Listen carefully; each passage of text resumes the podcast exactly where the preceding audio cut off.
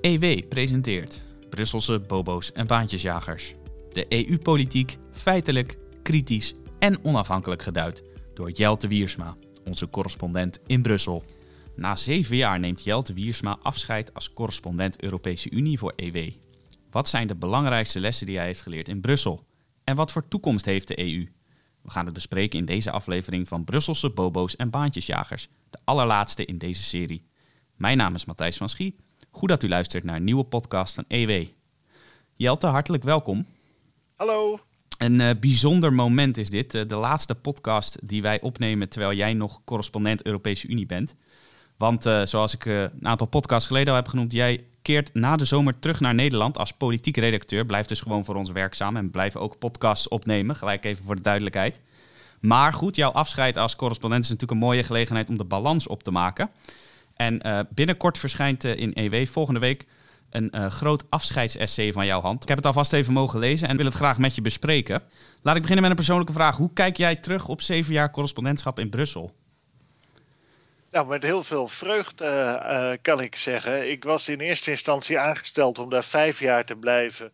Maar ehm, weder, wegens wederzijdse tevredenheid is dat nog twee keer met een jaar verlengd waardoor ik de langst zittende correspondent uh, ben geweest. Uh, die ooit heeft gediend in Brussel vanuit Elsevier EW. En, ehm, dat moet een goed teken is, zijn.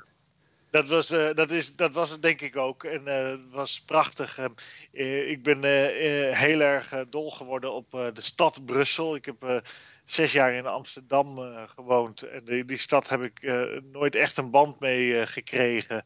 Zoals ik dat wel met Brussel heb gekregen. Um, ook omdat het heel anders is. Het is een Zuid-Europese stad. in zijn karakteristieken veel meer dan Amsterdam dat is. Dat is toch een soort groot Leeuwarden. Waar ik ook zes jaar met overigens plezier heb gewoond. En Brussel is geweldig internationaal. Het is ook veel minder provinciaal dan um, een stad zoals Amsterdam dat is. De hele wereld komt er over de vloer. Het is in de tijd dat ik correspondent ben Washington voorbijgestreefd als de belangrijkste ambassadestad ter wereld. Dus er is geen andere stad ter wereld waar, waar zoveel landen een ambassade hebben of een permanente vertegenwoordiging, een diplomatieke vertegenwoordiging. En dat spuit ook uit die stad. Maar slechts een derde van de inwoners van die stad is Belg. De rest is niet Belg of heeft een niet-Belgische achtergrond. Dat maakt de diversiteit, het modewoord van deze dagen, daar een standaard praktijk. Dat, dat, dat is een echt diverse wereld. je hebt daar ook op straatniveau heb je totaal andere werelden die, die naast elkaar, met elkaar en langs elkaar heen ook wel leven. Dus je kan opeens van een prachtige, chique straat met maison de herenhuizen, de hoek omslaan en je komt in een achterafbuurt terecht. Um, en zo gaat dat maar door in Brussel. Je kan niet ontsnappen aan die diversiteit, zoals dat in veel Nederlandse steden wel kan, waar je veel meer ghetto-farming eigenlijk hebt. Um, en dat maakt het prachtig. En ja, er zijn vele intelligente mensen natuurlijk uit de hele wereld die daar samenkomen. Van slimme Chinezen en Russen.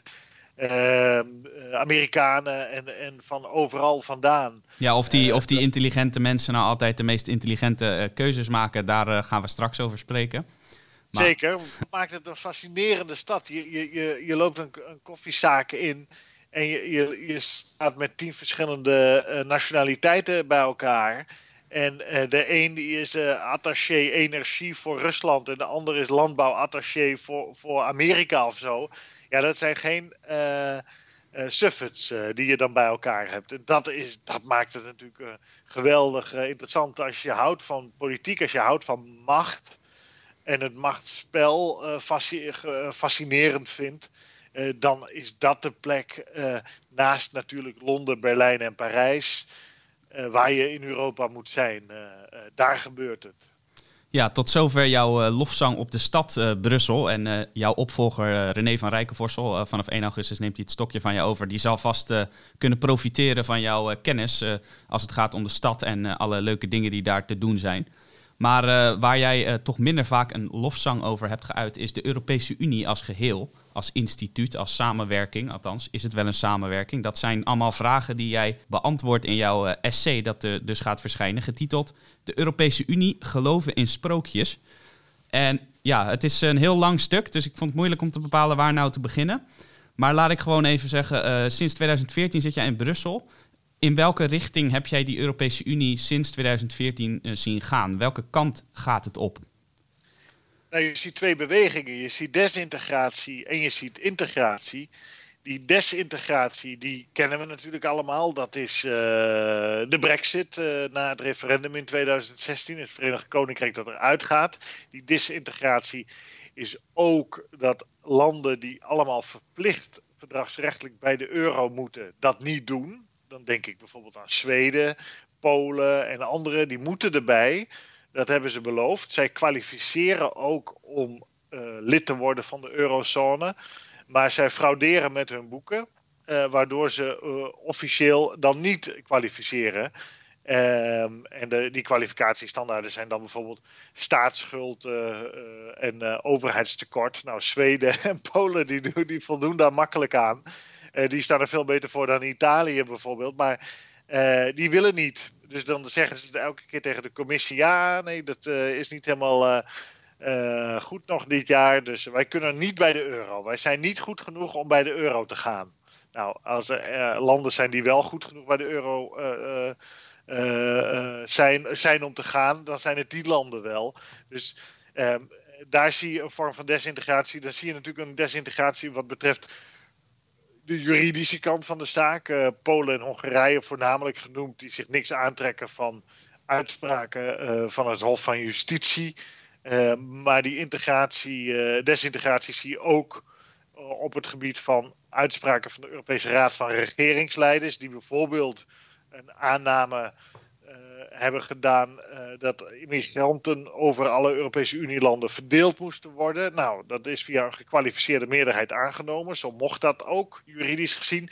Maar dan hebben uh, Oost-Europese landen hebben gezegd, nou wij voeren het gewoon niet uit. Punt. Dus uh, nou kan je hoog en laag springen, dan is er niks aan te doen als landen dat niet uitvoeren. Dus je ziet een desintegratie aan die kant. Uh, aan de andere kant zie je natuurlijk een verdere integratie, die vooral te maken heeft met de vele crises die de Europese Unie zelf heeft veroorzaakt. Uh, dan beginnen we natuurlijk bij de eurocrisis, de bekendste crisis misschien wel. Uh, die had natuurlijk niet op deze wijze plaatsgevonden als er geen euromunt was geweest.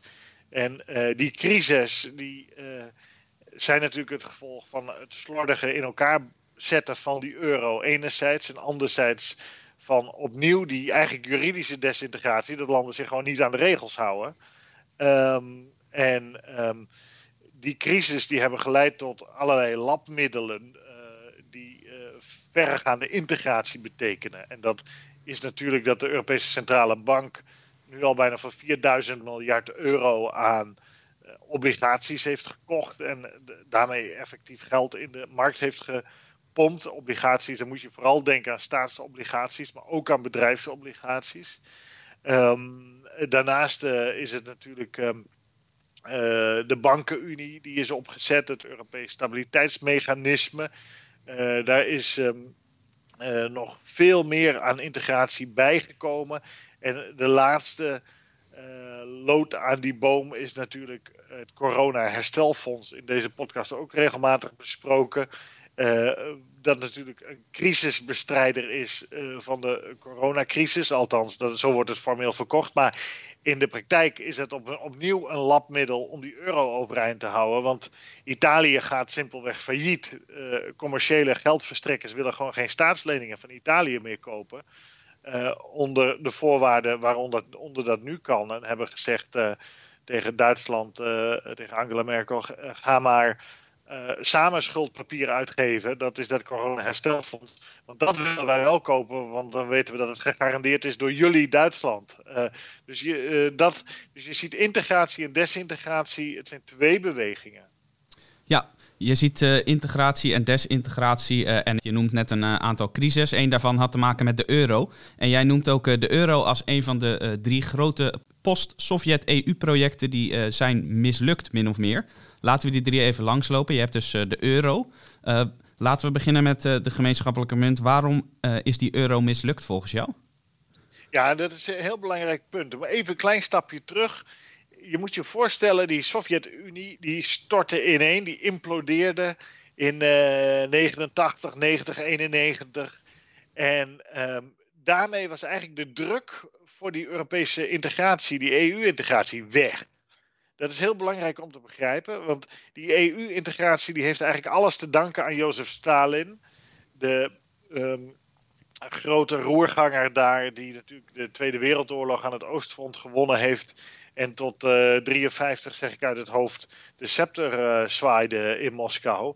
En uh, die heeft ervoor gezorgd dat de Duitsers, de West-Duitsers dan, deel dat door Amerika, het Verenigd Koninkrijk en Frankrijk bezet was, dat die terug Ehm, eh, moesten worden gehezen in een militair uniform. Dat is heel belangrijk om te begrijpen. Want de Verenigde Staten van Amerika, die, die, die eigenlijk het westen van Europa samen met het Verenigd Koninkrijk bezet had, zou je kunnen zeggen, bevrijd en bezet ook de facto, die uh, wilde per se voorkomen dat West-Europa ook in Sovjet-handen ging vallen. En om als eerste buffer daar tegen die Sovjet-expansie op te treden, wilden ze heel graag West-Duitsland opnieuw hermilitariseren. En daarvoor moesten het ook herindustrialiseren. En de Fransen waren daar doods en doodsbenauwd voor. En begrijpelijkerwijs natuurlijk, want die waren zo vaak door Duitsland al binnengevallen. En toen is de uitruil geweest, dat is heel belangrijk om te begrijpen. Amerikanen en, en de Britten, maar vooral de Britten notabene, hebben gezegd... oké, wij gaan extra troepen in West-Duitsland stationeren... Uh, wij gaan van de Amerikaanse kant heel veel geld in West-Duitsland pompen, dat die kunnen herindustrialiseren, hermilitariseren en dat de eh, communistische tendensen worden onderdrukt in West-Duitsland, omdat mensen krijgen een baan en de industrie gaat weer lopen enzovoort. En in ruil daarvoor, uh, of als garantie, diende dat aan Frankrijk. En Frankrijk heeft toen gezegd: oké, maar dan gaan wij dus integreren via economische weg met West-Duitsland uh, kolen en staal. Dus kolen en staal was niet zozeer een vredeskwestie, zoals dat altijd genoemd is. De middelen van oorlog die in handen zijn gekomen van een hoge autoriteit om te voorkomen dat uh, West-Duitsland en of Duitsland en Frankrijk oorlog met elkaar gingen voeren. Nee, het was specifiek juist om die middelen van oorlog naar een technocratische autoriteit over te hevelen, de Europese gemeenschap van kolen en staal, om ervoor te zorgen dat Duitsland juist kon hermilitariseren. Dus het was niet een vredes. Uh, dat is heel belangrijk. Het was niet een vredesinstrument, het was een oorlogsinstrument in die zin. Uh, en um, nou, die achtergrond. Die uh, viel helemaal weg natuurlijk op het moment dat die Sovjet-Unie implodeerde. Toen was er eigenlijk geen duidelijke reden meer voor die Europese Unie om te integreren. Geen eh, gemeenschappelijke uh, vijand meer. Er was geen gemeenschappelijke vijand meer en blokken worden altijd één als je een gemeenschappelijke vijand hebt of langdurig wordt overheerst door een buitenlandse mogendheid. Dat is een klassieke wet, uh, gaat al duizenden jaren mee. Nou, die uh, overheersing van, door een buitenlandse mogendheid was er niet. Kijk, Amerika was wel de uh, militaire hegemoon, maar bepaalde niet natuurlijk uit een treuren politiek wat hier gebeurde. Um, en die vijand, de Sovjet-Unie, was weg. Dus de druk viel meteen weg. En um, dat leidde tot paniek in Parijs. En ook paniek overigens in Londen. Dat is heel belangrijk om te weten. Um, Franse president François Mitterrand die was doodsbang, want die begreep ook wel: Duitsland gaat herenigen. West en Oost komen samen. En dan wordt Duitsland verreweg het grootste en machtigste land op het Europese continent. Rusland niet meegerekend. Um, en dan overheersen zij uh, het continent. En daar was Frankrijk logischerwijs bevreesd voor. Uh, Margaret Thatcher, de Britse premier in die tijd, was om, de, om dezelfde reden bevreesd. Die vreesde Duitse dominantie op het Europese continent. En uh, die dacht, dan gaan we weer. Dan krijgen we weer oorlog of andere rotzooi daar. Nou, er zijn er twee dingen gebeurd. Eén is inderdaad de euro. François Mitterrand zei: Oké, die Duitse hereniging kan ik niet tegenhouden. Amerika, George Bush senior had daar ook zijn zegen aan gegeven. Maar wat ik dan wel kan doen, is in ieder geval de Duitsers ehm, hun belangrijkste economische machtsmiddel, de D-mark, de munt, ontfutselen. En eh, hen dwingen tot één munt. Eh, een Europese munt, wat uiteindelijk de euro is geworden. En dat heeft Helmut Kohl, de Duitse, West-Duitse later Duitse bondskanselier CDU, ook geaccepteerd. tegen de zin van zijn eigen bevolking in. En Kohl die zei ook: ik, ik was een dictator terugkijkend op zijn eigen besluit om die euro er doorheen te duwen. Um, ja, met deze achtergrond die jij net schetst, zeg jij ook: het, het wordt verkocht als een economisch project, die euro, maar het is een politiek project. Het is een volstrekt politiek project om de onrust bij de Fransen weg te halen over de Duits, Duitse hereniging. Uh, het had niks met economische logica te maken. Margaret Thatcher, het Verenigd Koninkrijk, bleef er dan ook buiten. Thatcher was toen inmiddels weg, opgevolgd door John Major, haar partijgenoot. Die bleef er ook buiten. In Maastricht in 91, toen het verdrag werd gesloten, 92 getekend, zeiden, uh, zei het Verenigd Koninkrijk: wij doen hier niet aan mee. Um, en daar zie je uh, dat het zaadje van de Brexit eigenlijk geplant is. Um, waar het Verenigd Koninkrijk in die tijd overigens wel belangstelling voor had, was de interne markt. Uh, meer vrijhandel. Maar daar gaan we het zo nog over hebben, want dat liep helemaal uit de hand op een andere manier. In ieder geval, die euro, die is dus op poten gezet als politieke munt. En um, als middel om te integreren. Wim Duisenberg, de eerste president van de Europese Centrale Bank, PvdA, uh, ook uit Friesland overigens, uh, net zoals ik, uh, die zei, ja, dit is een, die, die erkende dat ook. Dit is een middel om ervoor te zorgen dat die landen alleen maar verder gaan integreren.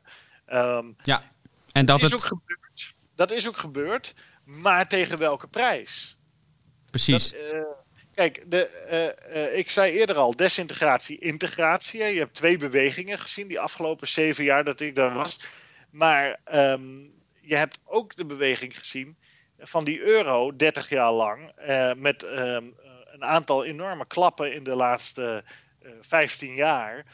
Enorm hoge prijs is er betaald om die euro in leven te houden. De balans van de ECB, de Europese Centrale Bank, ontploft bijna. Italië heeft een staatsschuld van 160% van het nationaal inkomen. Griekenland ging eigenlijk kopje onder en was een failliete boedel. het is geen lekkere munt. En de munt is uh, een munt die niet past bij alle landen en bij alle economieën en de cycli van die economieën. Thatcher die zei dat in de jaren negentig al. Die zei dat kan niet. Want uh, je moet als nationale regering de mogelijkheid hebben om met je munt te spelen. Uh, elk land heeft andere cycli. Dat is ook belangrijk om te weten. Je hebt landen waar, waar, veel meer toerisme is, bijvoorbeeld, dan landen met meer industrie. En dat, dat hangt ook uh, subtiel aan elkaar. En de inkomensverschillen in de Europese Unie zijn natuurlijk veel groter dan bijvoorbeeld in de Verenigde Staten van Amerika, waar dat veel minder is. Uh, tussen regio's, tussen landen. Uh, dus in sta staten in het geval van Amerika. Dus nou ja, we hebben die euro gezien en het is gewoon geen succes. Het is een rotzooi. de euro is te duur voor Zuid-Europa die kunnen eigenlijk niet concurrerend worden. Dat lukt ze politiek niet. En de, hun munt uh, devalueren was altijd een, een, politiek instrument om uh, dat wel te kunnen. En voor Noord-Europa is de munt uh, te goedkoop, waardoor Noord-Europa als een waanzinnige is gaan exporteren. Het Nederlandse export surplus zat altijd tussen de 2 à 4 procent van het nationaal inkomen. Dat is nu opgelopen tot 10 procent van het nationaal inkomen. Onze handelsbalans is helemaal uit het lood. Dat geldt voor Duitsland net zo. Precies dezelfde cijfers als Nederland. En dat leidt ertoe dat uh, er een massale volksverhuizing van Zuid-Europa naar Noord-Europa op gang is gekomen. Met als gevolg dat in het zuiden de huizen leeg staan. En in het noorden uh, er een huizentekort is. Ja, en dat geldt ook voor oost naar west, hè? Oost-oost naar west ook, deels. Maar dat heeft ook een andere reden. Daar komen we straks op. Maar je hebt dus een sociale ontwrichting ook mede gehad door die euro. En die sociale ontwrichting voelen wij, in het, voelen wij ook in Nederland waar heel veel jongeren gewoon geen huis meer kunnen kopen. Uh, en mede door de concurrentie van mensen uit andere delen van Europa die hier naartoe komen, omdat die euro zo goedkoop is dat uh, ja, de bedrijven hier als een tierenlier draaien, terwijl elders ze vastlopen. En dat is ehm, een, een heel zure constatering. Die euro zou een vereniger moeten zijn, maar is een verdeler geworden. In, in 1990 verdiende de gemiddelde Duitser en de gemiddelde Italiaan ongeveer net zoveel. En nu is het verschil opgelopen tot 30% De Duitser verdient 30% meer dan de gemiddelde Italiaan. Dus je, je, uh, uh, het heeft Europa niet dichter bij elkaar gebracht, of de Europese Unie-landen. Nee, het, heeft het speelt de boel eigenlijk uit elkaar. Uh, met allerlei negatieve consequenties. En ja, dat is dus een rotzooi. En ik, ik heb dat van dichtbij meegemaakt. Ik verwijt dat ja, hele generaties politici die maar die euro overeind blijven, te, blijven houden met, met enorme kosten, sociaal als wel economisch. Uh, ja, en die munt die moet natuurlijk uh, uh, worden opgeknipt. je zou eventueel een, Zuid-Europese of een Noord-Europese zone kunnen doen. Je kan van alles doen. Maar het, het verstandigste is om hier niet mee door te gaan. Want dit blijft een rotzooi. En dit gaat alleen maar meer geld kosten. En ook alleen maar meer kwaad bloed zetten. Want iedereen is boos op elkaar. Italië en Spanje en Portugal en Griekenland zijn boos op Duitsland en Nederland en Oostenrijk en Finland. En, en andersom. Uh, de Noordlingen zijn boos op de Zuidlingen. Dus het maakt ook niet dat het een soort vredesproject is. Dus hou daar alsjeblieft mee op met die euro. Um, in één Big Bang moet je dat doen in één keer de boel opknippen, de schulden verdelen, uh, een groot deel van de schuld bij de ECB wegstrepen en uh, uh, uithuilen en opnieuw beginnen. En dat zal een klap geven, maar ik weet zeker dat binnen no time iedereen daar weer bovenuit is gekomen. want mensen zijn veel daadkrachtiger, veerkrachtiger en flexibeler dan vaak gedacht wordt. Waarvan akte? Laten we dan hebben over het, uh, het tweede grote project dat uh, volgens jou is uh, mislukt. En dat vond ik zelf opmerkelijk om te lezen, omdat het vaak als een van de grote voordelen van EU-lidmaatschap wordt gezien, namelijk de interne markt. Er wordt door politici vaak voorgespiegeld wat je ook mag vinden van de EU op allerlei gebieden. Eén ding is duidelijk in het voordeel van Nederland en dat is de interne markt. Maar jij bent het daar niet mee eens, hè? Nee, helemaal niet. Uh, die interne markt is uh, een verstrikking in heel veel opzichten. Kijk, die interne markt, zoals eerder gezegd, Margaret Thatcher, die was daar heel erg voor, want die hoorde het woord markt en die dacht dat moet goed zijn. Want de markt is goed en de staat is slecht. Nou, dat ben ik in veel opzichten met haar eens natuurlijk. Wie niet, die enig gezond verstand heeft. Nou, ik ken er nog wel uh, wat uh, die het er niet mee eens zijn, inderdaad. Ja, maar die hebben geen gezond verstand, Matthijs. Dat, uh, het, het, vreselijke staatsfalen dat we hebben gezien met de kindertoeslagen, weet ik wat, dat maakt je toch argwanend tegenover een overheidsbureaucratie. maar goed. Zo is dat. Um, in ieder geval, die interne markt, die werd enorm aangedreven door Thatcher en ook in haar kielzorg door Ruud Lubbers, CDA, toen premier in Nederland. Die waren er erg voor. Markt, markt, markt, uh, uh, geld verdienen. Natuurlijk hadden ze gelijk. Markt, markt, markt is goed. Maar bij wie kwam die interne markt in handen? Bij Jacques Delors, de Franse socialistische voorzitter van de Europese Commissie. De machtigste voorzitter die de Europese Commissie ooit heeft gehad. En Delors die uh, mede uh, met steun van Frankrijk en eigenlijk ook wel Duitsland heeft uh, van die interne markt een, uh, een, protectionistisch blok gemaakt. Veel protectionistischer dan het zou moeten zijn. Um, waardoor allerlei goederen die ik als consument bijvoorbeeld uit Amerika of Afrika wil kopen, niet kan kopen zonder daar enorme heffingen over te betalen. Dat is echt waanzinnig. Ik heb een keer een paar handschoenen gekocht uit Amerika. Die waren niet uit Amerika eigenlijk, die waren gemaakt in Hongarije met, met leer uit de Andes, geloof ik. En die, waren door een Amerikaans bedrijf uh, werden die verkocht. En toen kwam dat dus binnen en dan komt er nog een rekening na van 120 dollar aan importheffingen voor een paar handschoenen. en dan denk je, ze zijn niet goed geworden. en hetzelfde is met Afrikaanse landbouwproducten bijvoorbeeld. Er is massaal geld naar Afrika gestuurd, ontwikkelingshulp werkt helemaal niet. Um, dus gewoon goed geld naar kwaad geld gooien. Terwijl, uh, wat nou als ik als consument hier in Nederland zeg: Nou, ik wil die Afrikaanse producten en ik wil ze belastingvrij, heffingvrij hebben. Dan krijg ik die vrijheid niet. Er zit een. Uh, uh, dat, dat, dat heeft natuurlijk te maken ook met de douane-unie, dat het één blok is voor alles wat er binnenkomt. Die interne markt is vooral aan de binnenkant natuurlijk. Maar wat hebben Duitsland en Frankrijk vooral gedaan? Allerlei standaarden erop gezet. Uh, dat uh, eigenlijk niks mag. tenzij staat opgeschreven dat het wel mag. In Amerika is het net andersom. Dan mag alles, tenzij staat opgeschreven dat het expliciet niet mag. Dat er iets expliciet gevaarlijk is voor de volksgezondheid of anderszins. Uh, of dat het een uh, raar product is, zoals drugs of zo, waar mensen niet goed van worden in hun hoofd.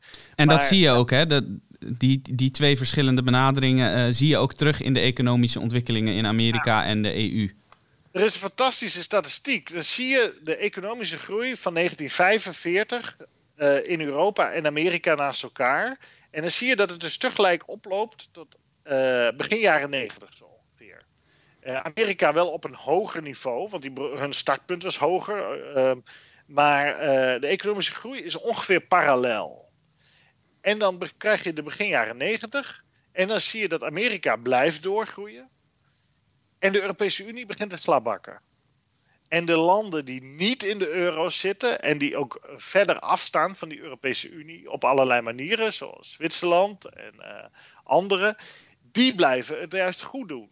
En zeker uh, de landen binnen de EU die niet binnen de euro zitten, die blijven het ook vooral goed doen. Dus je hebt het dan over Zweden, uh, Denemarken, het Verenigd Koninkrijk, Polen.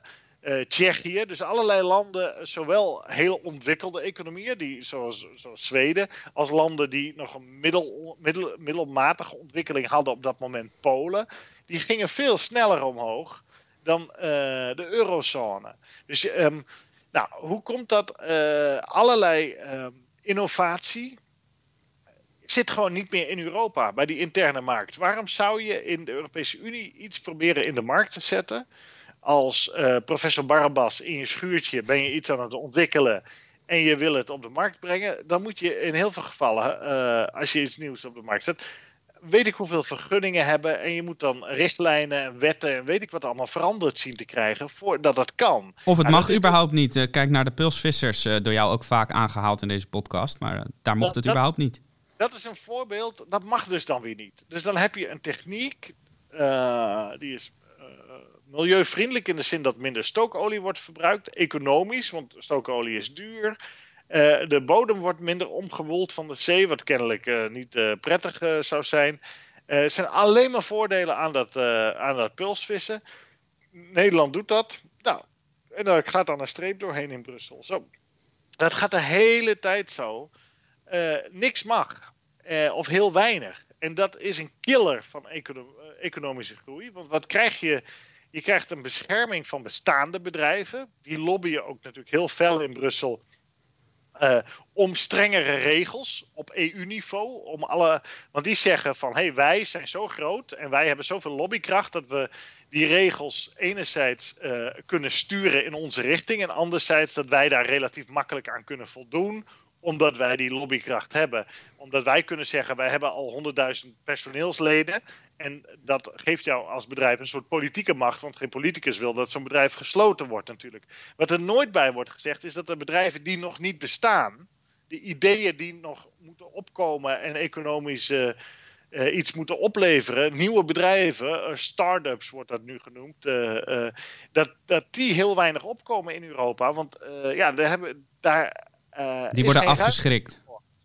Nou ja, er is geen ruimte voor juridisch om uh, uh, omhoog te komen. Dus je ziet dat de Verenigde Staten het veel beter doet. Maar ook een land als Israël doet het in heel veel opzichten beter. Zwitserland doet het beter.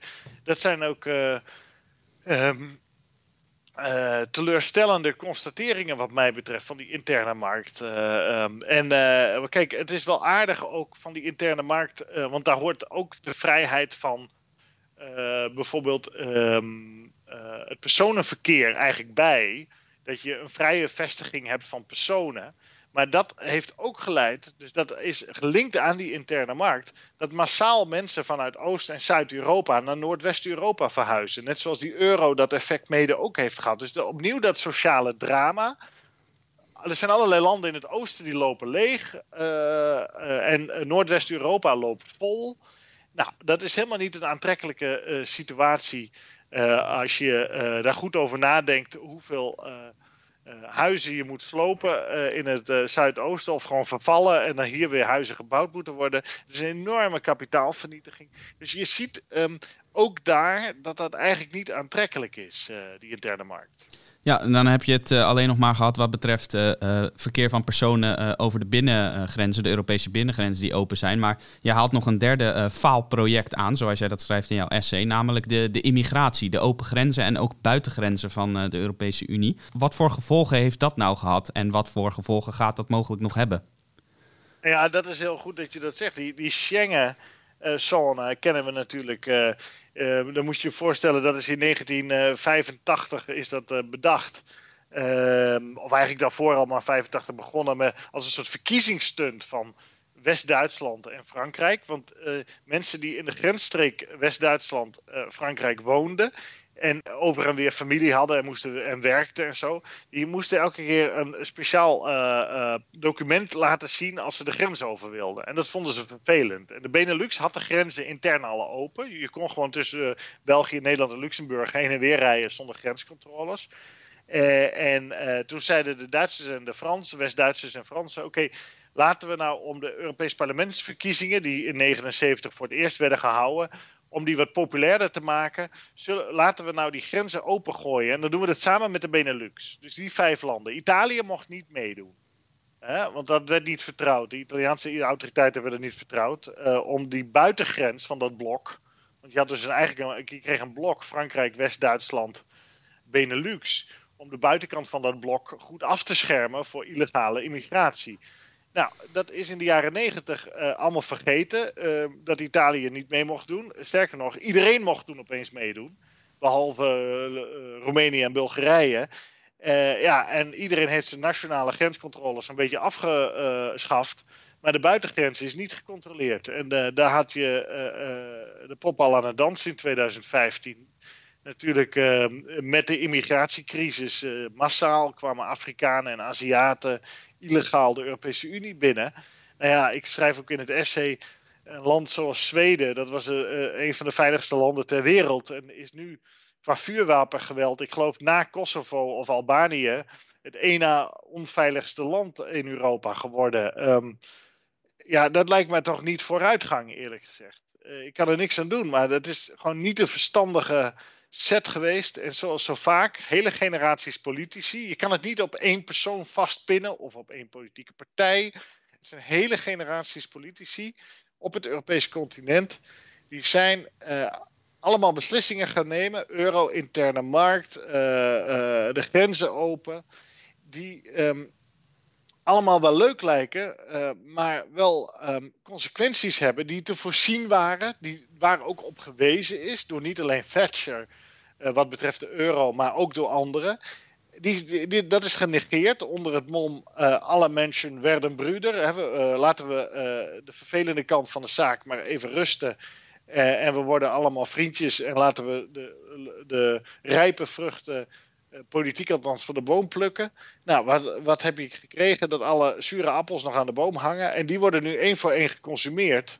Ja, en dat leidt tot, toch tot een onrust. Uh, heel veel landen, uh, daar is gewoon veel onrust uh, door immigratie, door culturele verschillen met immigranten. Nou, de, de, economische onrust. In Nederland is er economische onrust omdat, er, omdat het eigenlijk te goed gaat met de economie. En te veel mensen binnenkomen. In het zuiden is onrust omdat het te slecht gaat met de economie. En daar ook mensen binnenkomen, immigranten vanuit Afrika en zo. Dus dat is helemaal geen lekkere situatie. Nou ja, um, Brexit is dus uh, al een uh, resultaat van al dit. Um, en ja, ik denk niet dat het goed komt op lange termijn. Maar kijk, we weten dat de EU is een Duits-Frans, Frans-Duits imperium. Een Duits-Frans, Frans-Duits rijk, mag je zeggen.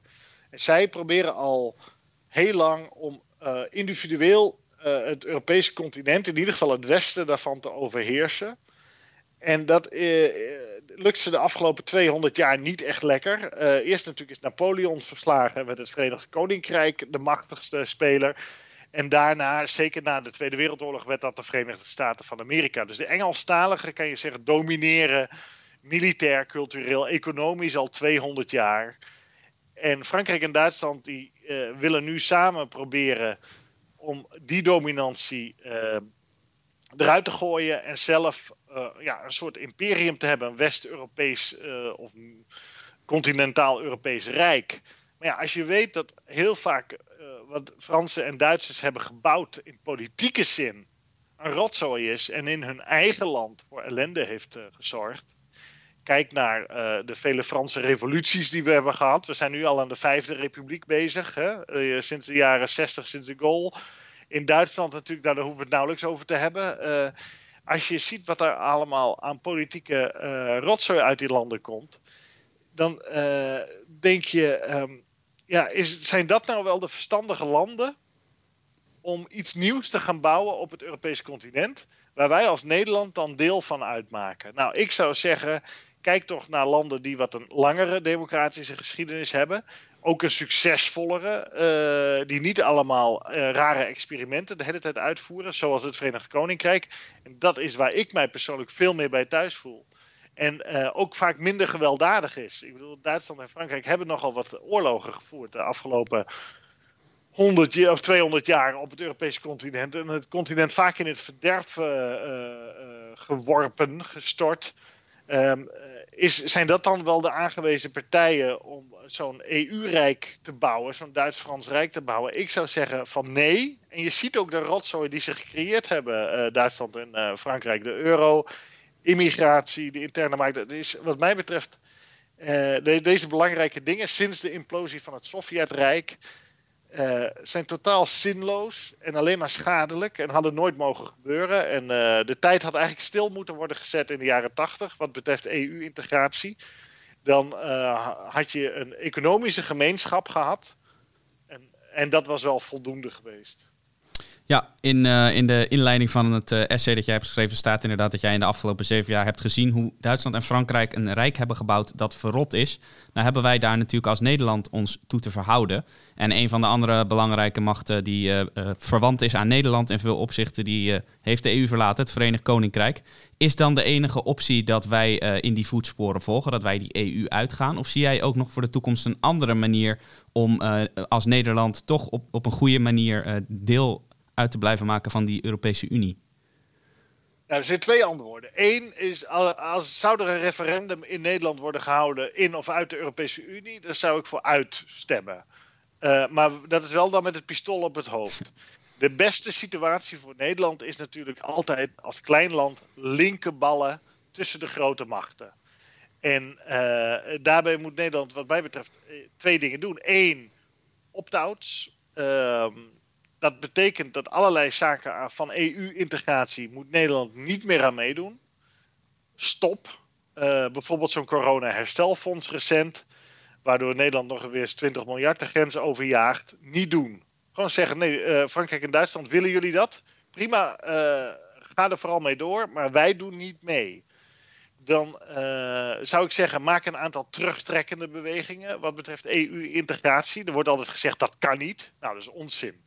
In de EU e kan alles. Uh, regels, wetten kunnen permanent worden gebroken. Dat gebeurt ook. Dat doen Duitsland en Frankrijk ook. Maar ook kleinere landen doen dat. Griekenland deed dat met de euroregels. Ook Polen doet dat met de regels wat betreft rechtsstatelijkheid, zoals het is gaan heten. Dus hou ermee op dat dat niet kan. Dat kan wel. Kan Nederland in dat opzicht bijvoorbeeld een, een voorbeeld nemen aan Denemarken, om maar eens een land te noemen? Is dat iets waar wij ons toe moeten verhouden?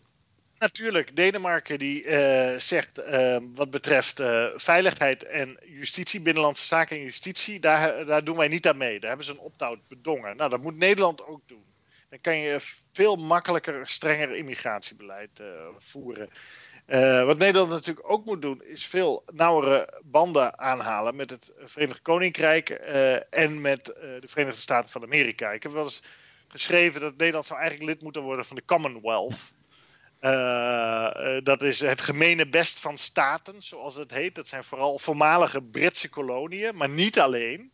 En dat zijn ook niet alleen landen die het gewoonterecht kennen, maar ook landen met het Romeins recht inmiddels wel. Uh, het, zijn, het moeten wel democratieën zijn. Maar daar zitten landen zoals India in, een democratie dat hopelijk een Aziatische macht wordt op democratische leest, geschoeid dan ook nog als tegenhanger tegen communistisch China. Dus die, die route, uh, het Verenigd Koninkrijk opent voor zichzelf heel erg de deuren naar de wereld, die de Europese Unie deels gesloten heeft gehouden. ga daarin mee. Geef meer uit aan defensie. En laat daarmee ook de Verenigde Staten en het Verenigd Koninkrijk, die toch de grote beveiligers zijn van ons in Nederland, zien dat wij daar dankbaar voor zijn. En dat wij onze steen, niet een steentje, maar een grote steen willen bijdragen. Tot mijn vreugd gaat er nu een flotille met de Queen Elizabeth II, uh, het grote nieuwe vliegdekschip van het Verenigd Koninkrijk, een van de twee naar Azië. Met één Nederlands fregat, uh, de Evertsen, uh, aan haar zijde. En een Amerikaanse fregat. En voor de rest zijn het Britse schepen. dat is hoe ik het graag zie. Aan die kant, daar moet Nederland veel hoger in de boom gaan zitten. Dus meer geld aan defensie uitgeven. Um, uit politieke overwegingen. Dat niet dat we dus oorlog willen gaan voeren, maar uit. Uh, nee, nee, nee, uit politieke overweging hou die twee heel dicht aan de borst. Uh, maak hele goede vriendjes met hen. Uh, kom met creatieve dingen. Kom met een nieuwe Brits-Nederlandse Council of weet ik wat. ga, stuur Willem-Alexander daar honderd keer per jaar naartoe op handelsmissie of zo. Weet je, doe, doe, van alles. Zet een nieuwe veerverbinding in tussen Vlissingen en, en het Verenigd Koninkrijk. dat zou ik wel aardig vinden, want dan kan ik vanuit mijn Zeeuwse buiten ehm, naar Engeland met de boot, zoals het vroeger ook kon. Um, dus dat is heel belangrijk aan die kant van de zaak. En een terugtrekkende beweging. ja, ik zou ook een terugtrekkende beweging uiteindelijk wat betreft de euro gaan maken. stapje bij beetje. Dat is heel ingewikkeld, maar, het is, maar niks is onmogelijk. Denemarken heeft bijvoorbeeld de Deense kroon nog steeds, die wel in het eurosysteem meedraait. Nou, dat zou je in Nederland ook kunnen doen, dat je gewoon in het eurosysteem blijft meedraaien, maar dan eh, ga je het de Nederlandse gulden noemen. Met een vaste wisselprijs zou je één op één kunnen zetten. Uh, en dan langzamerhand, langjarig, zou je dat eventueel kunnen gaan aanpassen naar meer nationale autonomie op dat gebied kunnen verwerven. Nou ja, dat zijn een aantal elementen die, die mogelijk zijn. Verder, ik zie niet in hoe een Nederlandse lobby in Parijs tot veel verandering in Frankrijk beweeg, teweeg zal brengen ten opzichte van die Europese Unie. Wat eventueel wel zou kunnen, is dat Nederlandse politici veel meer op campagne gaan in Duitsland. Want heel veel dingen die gebeuren, die wil Duitsland eigenlijk ook helemaal niet. Uh, dan gaat het uh, bijvoorbeeld over zo'n corona-herstelfonds. Dat willen ze eigenlijk ook niet. Nee, zijn ze veel te zuinig voor? Nou, ook maar uh, ze, zij willen gewoon dat die euro er is. Maar dat alle landen zich keurig aan de regels houden en dat er geen transfers van geld tussen de landen zijn. Nou, dat blijkt in de praktijk kennelijk onmogelijk te zijn, omdat heel veel land, landen die discipline niet hebben om daaraan te voldoen. Dus Duitsland moet elke keer in, in, een, in een crisismoment toch weer wat miljarden op tafel leggen. Maar Nederland moet veel actiever en agressiever gaan lobbyen in de Duitse uh, media, die allemaal bijna eurofiel zijn. En in, de, in Berlijn. En, en zeggen van stop, stop, stop. niet dat ze misschien luisteren naar ons hoor. Maar als ze naar een land luisteren, in Duitsland heb ik wel geleerd, dan is het behalve Frankrijk, naar wie ze het meeste luisteren, is de goede tweede is, is Nederland, uh, binnen de EU althans. Want uh, Duitsland zijn, Duitsers zijn moralisten en houden van economisch succes. Die combinatie, nou Nederlanders zijn net zo. En Duitsers respecteren de Nederlanders voor, hun economisch succes. En dat uh, de Nederlanders zijn goede mensen, zoals ze dat dan in Duitsland zeggen. Dat zijn wel goede lui. Dus um, ja, gebruik dat. Um, uh, dat zijn een aantal uh, mogelijkheden in ieder geval. Maar nogmaals, met pistool op, de op het hoofd zou ik zeggen er helemaal uit. Want wij horen, wat mij betreft, bij de sfeer van de liberale democratische landen die van vrijhandel zijn, voor vrede. En dan, dat zijn de Verenigde Staten, het Verenigd Koninkrijk.